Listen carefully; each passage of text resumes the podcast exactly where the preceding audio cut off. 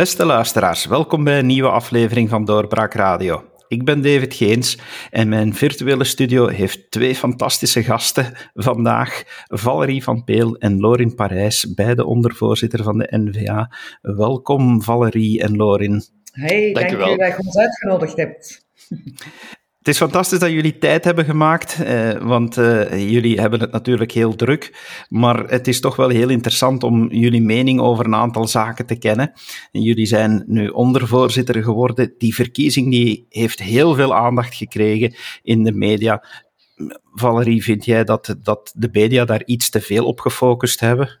Ja, absoluut. Uh, dat is een verkiezing die wij elke drie jaar doen, uh, waar zowel Lorin als ik ook al eerder kandidaat waren. In Lorin zijn geval met een goede uitslag, in mijn geval in een tijd zelfs uh, ja, met een mindere uitslag. En daar is toen ook niks van gemaakt, terecht ook, omdat dat een verkiezing is uh, waarbij wij heel democratisch, en daar zijn we anders dan in andere partijen, die beslissing overlaten aan onze partijraad. Dat zijn meer dan 200 mensen. En het zijn zij die gewoon bekijken uh, wie op dat moment het meest geschikt is voor die functie. En meer moest daar eigenlijk niet achter gezocht worden, maar dat is natuurlijk een heel groot verhaal geworden, met vooral de focus op Theo en... Um, ja, dat is spijtig. En zeker als je dan achteraf ziet wat analyses dat er worden gemaakt, waar ik zowel Lorin als ik dan een beetje raar naar kijken, omdat we weten dat dat eigenlijk ver van de waarheid zit.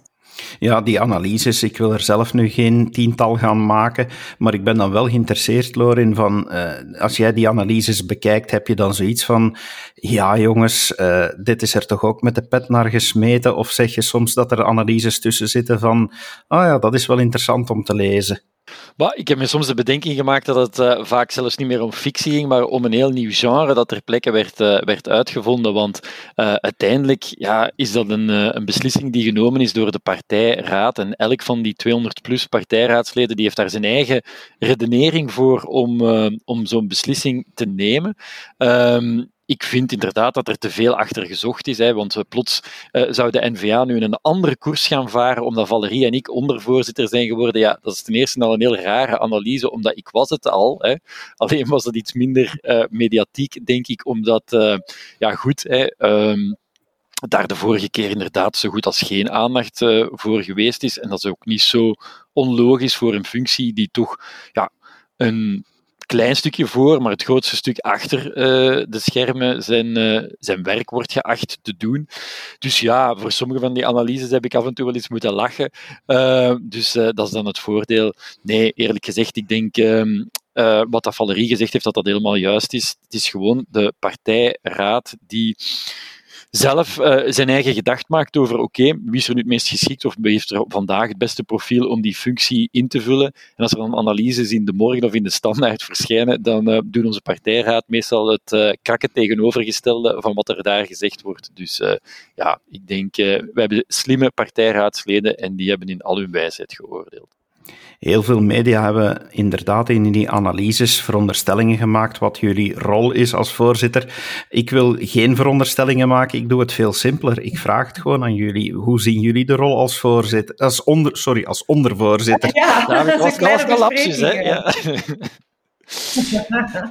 ja, ik, ja, een ondervoorzitter um, die moet vooral ervoor zorgen dat um, ja, dat je de gaten toerijdt hè, als, die, um, als die zich ergens um, ja, aandienen, zal ik zeggen. Dat betekent dat je uh, goed met je lokale afdelingen moet communiceren, dat je um, de interne werking uh, proberen uh, op punt moet stellen met iedereen die in de partij werkt, dat je goed voor de informatiedoorstroming moet proberen te zorgen, dat je je voorzitter zo goed mogelijk ondersteunt en dat je intern ook wel die kritische stem bent, die dat de basis, de afdelingen, de fracties enzovoort, uh, ja, wat vertegenwoordigt. Dus ja, het is eigenlijk een, een job die een beetje manusje van alles is.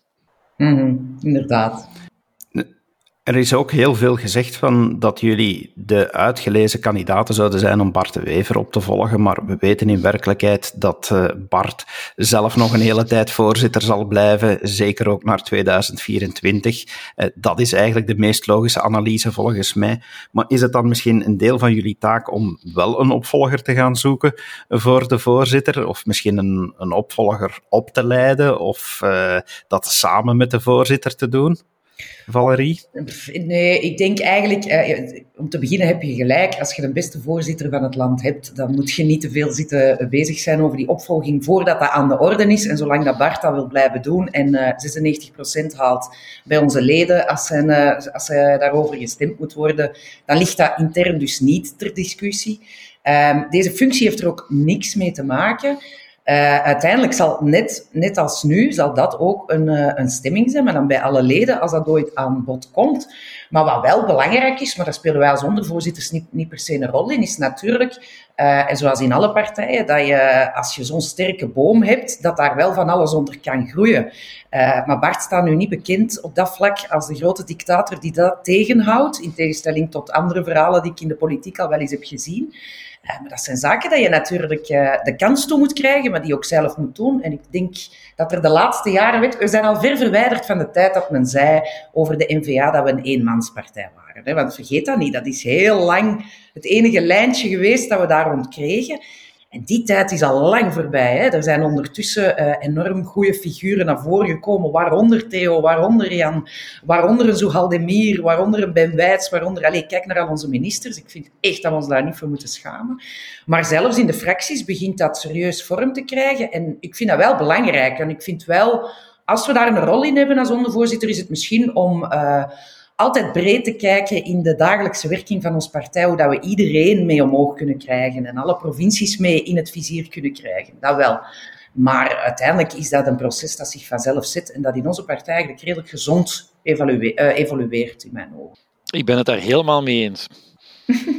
Dat is heel makkelijk, Lorin, als je het ermee eens bent. Van, laat ons inderdaad eh, niet te veel licht laten schijnen op die, die verkiezingen als ondervoorzitter, zoals jullie zelf aangaven. Het is uh, misschien overdreven in het daglicht gesteld.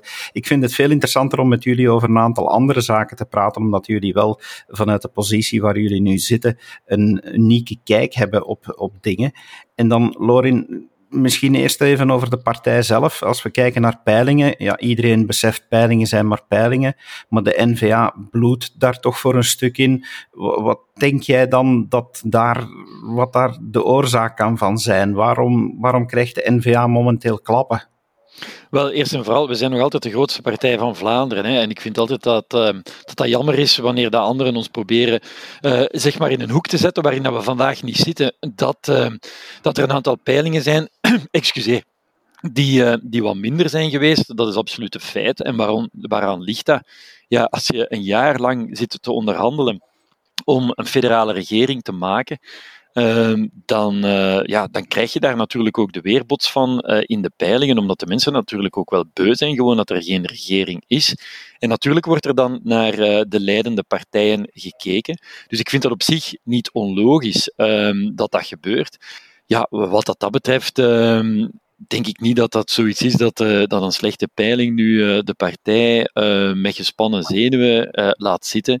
wij zijn nogal overtuigd van onze koers en um, wij zijn er ook um, van overtuigd dat die Vlaamse regering met uh, de relance in het vooruitzicht uh, daar zijn rol uh, zal in spelen. We zien ook dat ondertussen Vivaldi is vertrokken um, en dat die federale oppositie in de Kamer dat die week na week hele hoge ogen gooit en effectief um, daar waar het pijn doet, drukt, probeert zelf met, met voorstellen en initiatieven te komen. Denk maar aan het feit dat ja, er heel veel kritiek is terecht op het feit dat onze rechten en vrijheden hier per MB eh, worden ingeperkt en dat wij dan eh, als volksvertegenwoordigers net, eh, zoals iedereen anders dat in het staatsblad moeten lezen, eh, hoe en wat eh, er nu juist beslist is.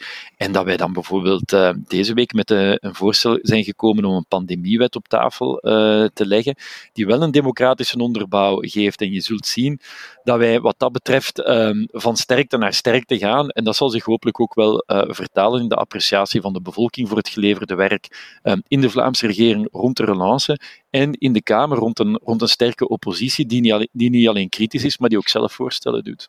Vinden jullie dan dat er andere kanten van, van de partij meer belicht moeten worden? Dat er andere thema's zijn die jullie zelf meer naar voren moeten schuiven? En sommigen zeggen de zachte kant van de partij moet, moet meer in het daglicht komen. Maar is dat een stuk perceptie, een stuk uh, ja, communicatie die, die volgens jullie moet veranderen, Valerie? Ja, dat is sowieso uh, deels perceptie, omdat uh, dat is nooit weg geweest. Dat is eigenlijk nooit weg geweest, maar het is wel duidelijk dat als je natuurlijk een federale regering hebt gehad met twee heel duidelijke crisissen, zowel de veiligheidscrisis um, als de migratiecrisis, en je had daar die twee topmannen van ons zitten, is het duidelijk dat daar natuurlijk heel lang um, ja, een beetje de, de, de focus op heeft gelegen. En ook terecht en op een goede manier. Maar in die periode was er ook weinig ruimte om de andere zaken veel naar voren te schuiven, zeker in de media. Wat maakte dat wij wel een imago hebben gekregen dat niet helemaal overeenkomt met de realiteit, namelijk een hardvochtig imago. Wat ik trouwens verkeerd vind, want ik vind ons migratiebeleid alles behalve hardvochtig. Ik vind dat de enige uitweg om daar een mooi verhaal van te maken, dan moet je ook durven uh, voor dat draagvlak kiezen en durven bepaalde zaken te benoemen. Laat ons daar alsjeblieft ook nooit mee stoppen. Maar het is wel een feit dat je nu uh, de mogelijkheid krijgt om dat terug wat te verbreden en dat we dat wel moeten doen. Maar het is niet alleen dat. Het heeft ook te maken, en dat is natuurlijk gewoon het politieke realiteitsspel, uh, dat als je een hele tijd in de meerderheid zit, dat je communicatie iets minder scherp wordt uh, naar je visie toe, omdat je meer in een compromisverhaal staat. En dat is ook normaal, hè? Dat, dat moet ook, anders raak je niet vooruit. Maar dan verlies je de scherpte wel eens van je eigen verhaal, dat is één ding. En ik denk dat we daar wel een uitdaging hebben omdat nu, uh, en daarvoor denken we onder andere aan een congres waar we iedereen nog eens goed bij betrekken en echt die richting nog eens zuiver stellen, maar dat zal geen nieuwe richting zijn, maar wel nog eens duidelijk waar we voor staan. En we moeten daar voor de rest niet links of rechts kijken of boven of onder, het maakt allemaal niet uit.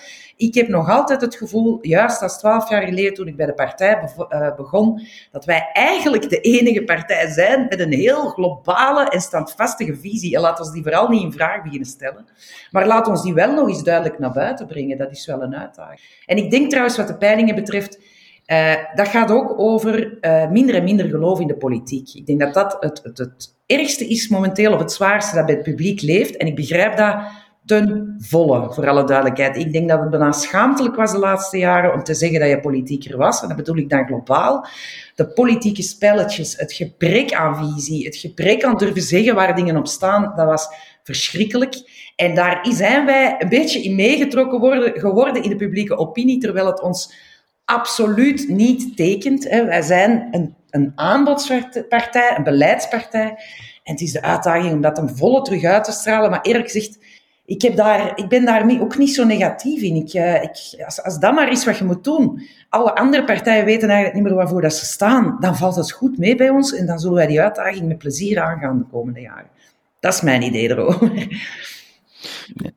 Ja, David, eh, dat klopt. Hè. En, en als ik daar iets op mag aanvullen, um, ja, het is niet zo alsof dat we bijvoorbeeld uh, ja, in onze parlementen met uh, Frida Gijbels, met Jolien van Kamp, met Valerie natuurlijk, federaal en met Kathleen de Poorter al niet heel sterke persoonlijkheden hebben die met zorg en welzijn bezig zijn. Hetzelfde verhaal eigenlijk op het, op het Vlaams vlak, hè.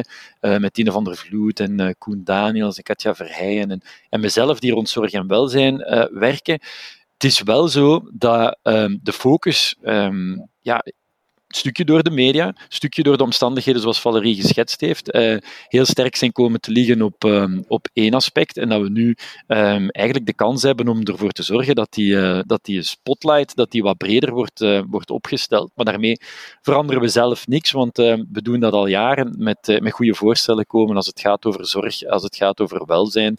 Um, en als die uh, nu evenveel ampleur en aandacht krijgen als onze goede voorstellen rond migratie en rond veiligheid, dan denk ik dat we echt die brede volkspartij ook in de perceptie zijn. Ja, over die brede, eh, brede volkspartij. Eh, er wordt ook dikwijls gesproken over diverse strekkingen in de NVA. Hoe zit het daar nu eigenlijk mee? Want mijn collega Karel Drabbe die heeft die vraag verschillende keren gekregen naar aanleiding van de ondervoorzittersverkiezingen. En hij zei altijd van, jongens, jullie zijn mis. Uh, er zijn geen strekkingen binnen, binnen de partij. Is dat ook jullie mening? Ja, nee, absoluut. Dat is Ik denk dat Karel daar... Uh daar een heel goed antwoord op, op gegeven heeft. Uh, dat klopt ook echt gewoon. Hè. Dus uh, je zal niemand binnen de NVA uh, eh, vinden die uh, on of off the record zich tot een bepaalde strekking zal bekeren, want die zijn er gewoonweg niet. dus wat dat betreft kent Karel de partij wel heel goed. Ja, op een bepaald moment, David, allee, werden daar zelfs namen op gezet. En dan naar aanleiding van die, van die voor, allee, ondervoorzittersverkiezingen las ik overal uh, Theo aan de ene kant en Valerie van Peel aan de andere kant. En allee, hoe vaak dat ik samen met Theo dat artikel was aan het lezen, letterlijk face-to-face, -face, dat wij dat met twee zaten. Allee, boom, we zitten hier nogthans over elkaar en we zijn uh, over iets aan het discussiëren. Ik vind, ik vind altijd dat is zo raar, alsof het geen sterkte is dat je figuren hebt die durft nadenken en blijven discussiëren met elkaar en, en, en dat ook respecteren van elkaar en daar ook uh, elkaar in bijleren. Ik bedoel, we zijn natuurlijk geen clones. Hè. Er zitten in de, in de partij verschillende figuren met serieus wat ego en met serieus wat ideeën. En, maar dat is gezond. Dat is gezond. Dat heeft met groepen en, en oorlogen en wat heb ik allemaal gelezen, niets te maken. Ik, ik ken Theo ondertussen twaalf jaar langs alle kanten zijn voor- en nadelen en hij kent die bij mij. En, en daar zit heel veel respect in en daar zit heel veel gezond debat in. Maar dat heeft met strekkingen en groepen en achter elkaars rug niks te maken. Maakt van ons alsjeblieft de VLD niet, want we zijn het niet.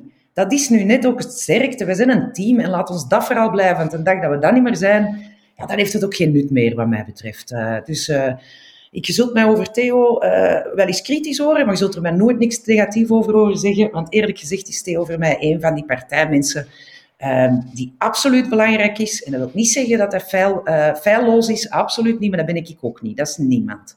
Dus um, ah, ik ben blij dat ik het mag zeggen, want die analyse, dat is om zot te worden als je daar zelf als naam tussen staat, hè, terwijl dat je weet dat de realiteit gewoon compleet iets anders is. En ik ben lang zelf journalist geweest. Ik heb toen ik in de politiek stapte één ding geleerd en dat is dat analyses van buitenaf meestal gewoon maar dat zijn, namelijk analyses van buitenaf hoor. Maar meer uh, moet je daar eigenlijk vaak niet in lezen. Lorin, je noemde daarnet die Volkspartij. De voorzitter Bart de Wever die heeft ook al gesproken over een herverkaveling van het politieke landschap. Denk je dat de NVA daar een leidende rol moet gaan innemen om, uh, om ja, de leidende volkspartij te worden en dat politieke landschap te gaan hervormen? Wel, we zijn al die leidende volkspartij, maar natuurlijk uh, kan die nog altijd sterker. En het is evident uh, dat wij daar een leidende rol in moeten spelen als er ooit een herverkaveling komt. Hè. Bart heeft ook gezegd van, het lijkt me logisch dat je zo een... Uh, ja, een, een conservatieve, liberale volkspartij maakt. Hè. Maar dat kan alleen maar natuurlijk als de valsspelerij van het Belgisch systeem wordt afgeschaft. Hè. Want nu, zeg maar, zijn zijn de krachten die bij wijze van spreken uh, bij de liberalen zitten, kan die altijd natuurlijk bijtanken um, in het zuiden van het land om samen sterker te staan uh, in die federale regering. Ook al hebben die eigenlijk totaal uh, tegengestelde meningen. En kijk maar wat er vandaag gebeurt over heel de discussie over versoepelingen bijvoorbeeld, waarin dat de MR iets helemaal anders wilt dan wat de, de partij van de premier eigenlijk voorstelt. Maar zolang dat, dat bestaat, zullen die natuurlijk gaan uh, ja, allianties smeden, ook al zijn ze alleen maar om meer macht te krijgen en niet op ideeën en inhoud uh, gebaseerd. Maar één keer dat we erin slagen om België naar een mm. echte uh, ja, confederatie om te vormen, ja, dan ga je natuurlijkergewijs naar een, uh, ja, een tweestromenland, hoop ik, waarin dat je uh, heel duidelijk uh, een centrumrechtse koers krijgt en aan de andere kant ehm, de linkse partijen die zich zullen samenzetten. En dan heeft de, de kiezer een nog veel duidelijkere keuze die hij kan maken. En het voordeel daarvan is dat je dan natuurlijk ook partijen kan afrekenen op wat dat ze beloofd hebben. Dat kan in dit land niet omdat ja, altijd met, uh, met onmogelijke uh, constellaties zit. Hè. Stel, uh, je stemt voor een centrumrechtse koers. Ene keer dat je een federale regering moet maken die meer dan één partij uit het zuiden van het land nodig heeft, zit je sowieso met zeer linkse elementen aan, de, aan de tafel. En kan je die koers eigenlijk nooit meer uitvoeren en kom je tot de constatatie dat uw kiezer, hè, dat is wat Valerie daar juist ook al zei, zich afkeert van het hele politieke systeem, want hij heeft voor één idee mm. gestemd en hij krijgt eigenlijk met die partij waar hij voor gestemd heeft voor dat idee heel vaak het tegenovergestelde beleid. En dan staan wij hier allemaal verbaasd te kijken naar uh, nieuwe hoofdstukken in, uh, in bijvoorbeeld de federale regeerverklaring, die zegt, oh, we moeten toch echt iets doen aan die politieke vernieuwing. Wel, ik stel voor dat we rekening houden met de stemuitslag qua politieke vernieuwing, zou dat kunnen tellen. Valerie, jij uh, sprak ook al over het congres dat er aankomt in de NVA. Wat gaan de belangrijkste thema's op dat congres worden? Wat wordt het doel van dat congres? Um, ik, dat is toch een beetje vroeg om te zeggen, want daar zijn we natuurlijk uh, nu pas uh, aan begonnen, nu dat het uh, dagelijks bestuur ook aan het vernieuwen is. Maar um, het zal hoe, hoe, dan ook de insteek hebben van um, de toekomst. Namelijk, we stellen natuurlijk niks in vraag van onze visie, echt niet. Ik denk dat wij zowel op ecologie, onderwijs, allee, ook die thema's, hè, welzijn en zo verder, migratie, veiligheid, daar hebben wij heel duidelijke standpunten. Maar natuurlijk, je bent een partij die moet groeien en die moet uh, bijleren. Dus je moet altijd je standpunten wel actualiseren. Dus eigenlijk zie ik dat congres ook wel als een actualisering en een scherpstelling van het, de visie die we hebben. En dat hebben wij wel nodig. En net als die strategische uh, insteek naar 24 toe. Dus dat zal breed zijn, zo breed zijn als we, als we ook als partij zijn. En dat zal vooral uh, nog eens het moment zijn om iedereen in ons partij van beneden tot boven ook volledig mee te trekken in dat verhaal.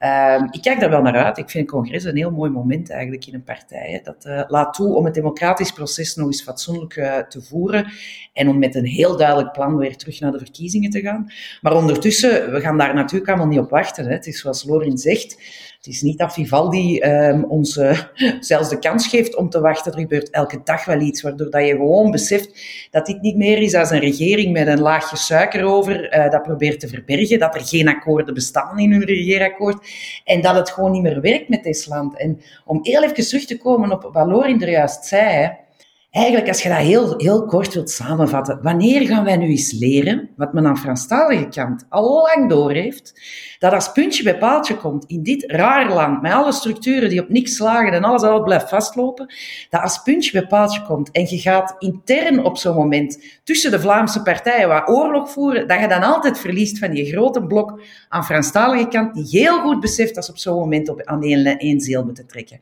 Dat is al, allez, wie dat dan niet door heeft, dat is al decennia de geschiedenis van dit land. Op het moment dat het gaat over de belangen van de Franstaligen ten opzichte van de Vlamingen, trekken die over alle partijgrenzen heen aan één zeel. En dat is ook de reden waarom dat wij altijd in de kou blijven staan. Dus wij gaan echt wel eens een blok nodig hebben, aan de Vlaamse kant ook, waarbij mensen die analyse die elke partij voor dat confederalisme en de problemen die daarmee zijn al heeft gemaakt, op zo'n moment ook eens zegt, ja, nu zijn wij ook eens slim genoeg. En dat is ook natuurlijk dat blok dat je probeert te maken en waar dat we van hopen ja, dat, dat, dat Vivaldi, die nu is echt je laatste druppel gaat zijn. Ik vind het uh, zeer spijtig voor de bevolking dat we die druppel er nog eens voor nodig hebben.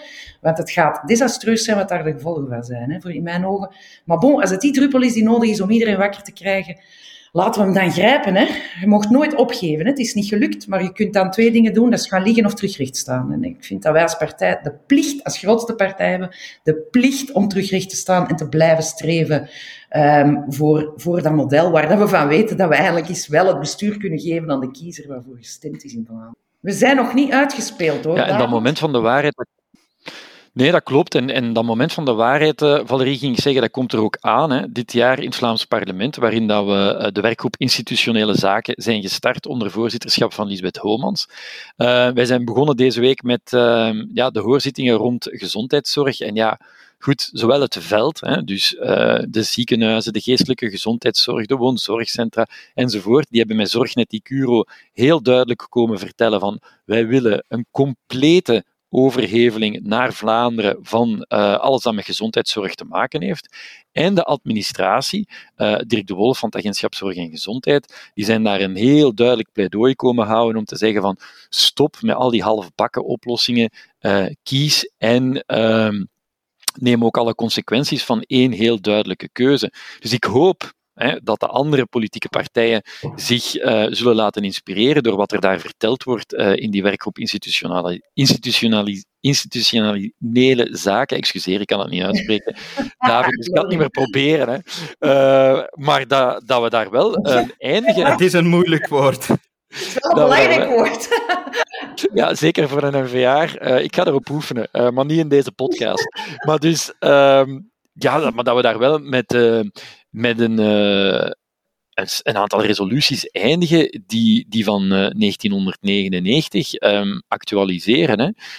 Um, en dat is eigenlijk de vraag die voorligt aan de andere politieke partijen, van scharen jullie zich terug achter wat we in 1999 hebben gezegd, maar dan hè, in uh, de versie van vandaag, of, of kiezen jullie daar voor stappen terug en dat antwoord dat wil ik heel graag horen. Want als iedereen ja zegt, dan hebben we, wat Valerie daar juist vroeg, één blok. Inderdaad, en ik kan iedereen ook aanraden om naar de podcast, podcast te luisteren die ik inderdaad met mevrouw Homans had over die werkgroep. Zeer interessante dingen met haar besproken. Nu we het dan toch over die staatshervorming hebben. We hadden recent minister Verlinde die een ballonnetje opliet voor 2 plus 2. En dan merk je inderdaad dat Franstalig blok dat meteen zich laat horen en dat afschiet. Denken jullie dat Vivaldi er zal in slagen om, om met de twee ministers die aangeduid zijn, die dan nog geen vicepremiers zijn, dat die verdere stappen gaan kunnen ondernemen om die staatshervorming voor te bereiden? Vivaldi niet. Vivaldi gaat daar niet in slagen. Ik bedoel, die ballonnetjes, de manier, de, de, de, de onprofessionaliteit daarvan ook. Vandaag las ik dat men uh, uh, een bevraging gaat doen bij de bevolking. Ja, die is al gebeurd, verkiezingen zijn geweest. Um, dat is wat een politieker doet als men het zelf niet meer weet. Dan komt hij met zo van die ballonnetjes naar boven. Um, dus nee, Vivaldi niet. Langs de andere kant moet ook niet te negatief zijn. Um, er is het opiniestuk geweest van Luc van den Brande. Er zijn de uitspraken geweest langs uh, kant van de PS, maar er zijn ook uitspraken geweest van MR. Niet de voorzitter, voor alle duidelijkheid, maar daar zitten ook nog wel andere politici in die partij. Gevoeld wel, daar heeft Bart echt wel gelijk in en dat heeft hij ook veroorzaakt. Er is een kentering mogelijk, er zijn geesten aan het rijpen, ook binnen CD&V binnen VLD, dat weet ik niet. Je zou denken dat er daar misschien ook nog wel een paar zitten, maar is men toch wel uh, in die richting aan het kijken en daar valt wel iets mee te doen. Maar met dit team van Vivaldi, met Groen, Ecolo erbij en, en, en, en zeven partijen die het elkaar zeker niet gaan gunnen, nee, dat zie ik niet gebeuren, voor alle duidelijkheid. Ja, en de VLD zit daar inderdaad heel erg moeilijk. Hè? Want um, als je liberaal bent, dan moet je in dit land eigenlijk per definitie uh, een confederalist zijn of een nationalist. Hè? Wat ik daarmee bedoel is, uh, wat ik daarnet ook al zei, dat als je een liberaal programma wilt uitvoeren en uh, ja, je bent daar een beetje rechtlijnig in, dan kan je dat niet doen in een federale regering waarin dat je meer dan één partij uit het zuiden van het land nodig hebt. En natuurlijk heeft die één partij uit het zuiden van het land dan juist de meest Belgicistische reflex uh, ontwikkeld, of toch bij zijn uh, voorzitter, uh, omdat die schrik hebben om eigenlijk ja, een blauw puntje te worden in een rode zee, wanneer zij niet meer die brug kunnen leggen naar Vlaanderen. Hè, als, um, als zij effectief in Franstalig België helemaal alleen staan, ja, dan, um, dan verdwijnen zij zeg maar in een oceaan van rood en donkerrood. Uh, en dan zal je die, uh, die blauwe golven daar nog nauwelijks in kunnen herkennen. En dat heeft hij natuurlijk ook wel begrepen, uh, Georges-Louis Boucher. En dan heeft hij een soort, uh, soort Belgicisme uitgevonden, dat, uh, dat dat is toch van, uh, ik ging zeggen van mijn, bomma, van mijn bomma en bompa, maar ik denk dat zelfs van daarvoor dateert. In die stappen naar het confederale model zit natuurlijk de grote vraag altijd wat met Brussel. De laatste tijd lijken er meer en meer stemmen op te gaan om Brussel als volwaardige deelstaat te beschouwen. Is dat de richting dat de NVA begint te beseffen van oké, we moeten dat doen? Of blijft voor NVA Brussel de volwaardige hoofdstad van Vlaanderen? Maar David, ik stel voor dat je eens uh, de proef op de som neemt en in een uh, ziekenhuis van Iris Care, hè, zogezegd het bicommunautaire uh, netwerk van ziekenhuizen in Brussel, dat je daar eens in het Nederlands gaat uitleggen dat je last hebt van appendicitis. Ik vrees dat je daar met een getrokken tand buiten loopt. Hè. Dus ehm, ik denk dat je ook eens aan alle ouders moet vragen die hun kinderen naar het Nederlandstalig onderwijs in Brussel sturen, of zij er veel vertrouwen in zouden hebben, moest het Brussels hoofdstedelijk gewest instaan voor uh, het Nederlandstalig onderwijs in, uh, in hun hoofdstad. Ik uh, vrees dat je daar ook van een hele kale reis zou terugkomen. En dus, wij moeten een beetje af van het feit dat ehm, ja, confederalisme een doel is. Nee, het is een middel om ervoor te zorgen dat uw griepprik of uw vaccinatieprik voor COVID sneller in uw arm zou kunnen uh, komen te zitten dan vandaag. Het is een middel om ervoor te zorgen dat uw uh, Nederlandstalig onderwijs in Brussel even kwalitatief kan blijven als vandaag het geval is. Uh, het zorgt ervoor dat je zorg dichter bij huis kan organiseren als je in Vlaanderen woont.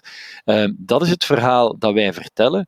En Brussel, vrees ik, is daar een goed tegenvoorbeeld voorbeeld van als je gaat kijken naar wat er vandaag zogezegd bicommunautair is. Dus die Brussel keuze waarin dat je uh, kiest uh, of dat je tot de Nederlandstalige gemeenschap uh, wilt behoren of tot de Franstalige gemeenschap, zoals je vandaag met je schoolkeuze doet, dat is een goed model. En los van het feit dat dat inhoudelijk echt een goede oplossing is die werkt, kijk maar naar het onderwijs, is het verschrikkelijk onverstandig uh, strategisch om, zoals de VLD vandaag doet, eigenlijk Brussel al op te geven, nog voordat je zelfs rond de tafel bent gaan zitten. Ja, eerlijk gezegd, als ik een Vlaamse Brusselaar ben, dan hoop ik dat Egbert Lachart niet mijn belangen gaat verdedigen bij een volgende staatshervorming, want dan weet ik sowieso uh, dat ik gescharreld ben.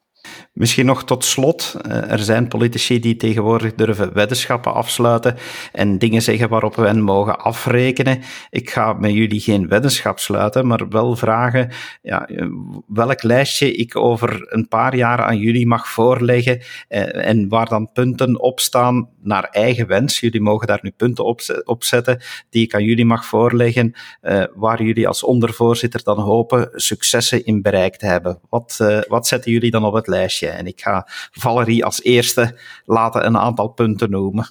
David, wat een gemene vraag.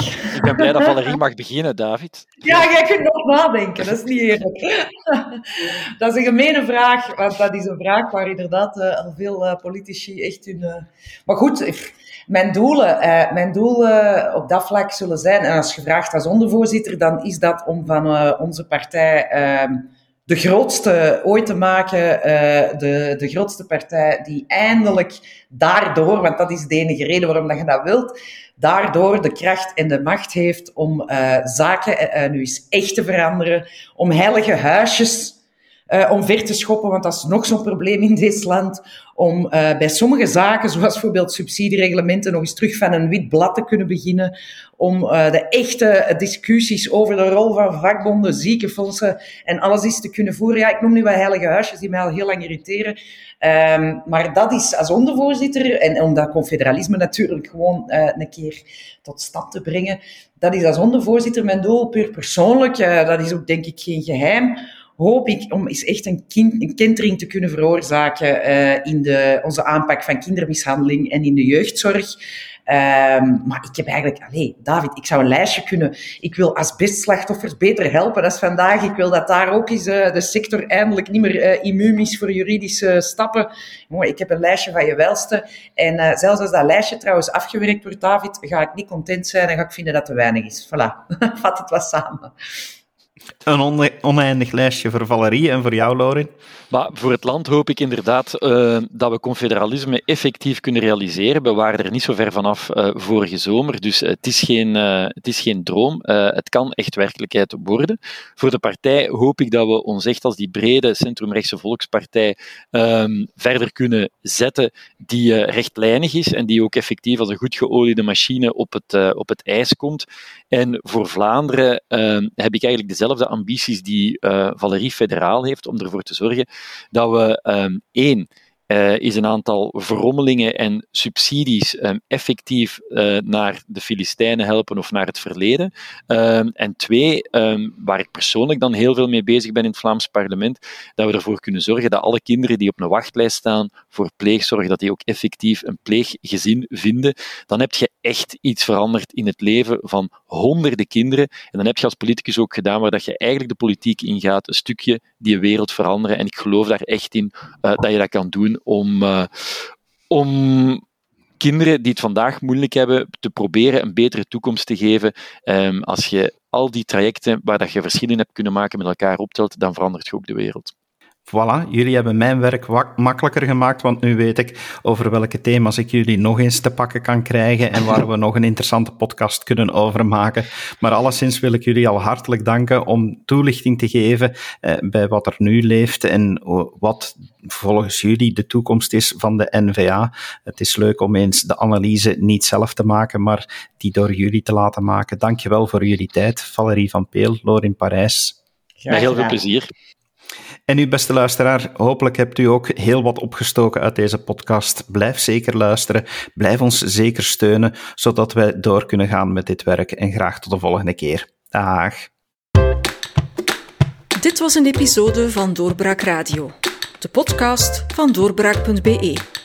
Volg onze podcast op doorbraak.be/slash radio of via Apple Podcasts, Overcast of Spotify. Bezoek ook onze website op doorbraak.be en steun ons door een vriend te worden van Doorbraak.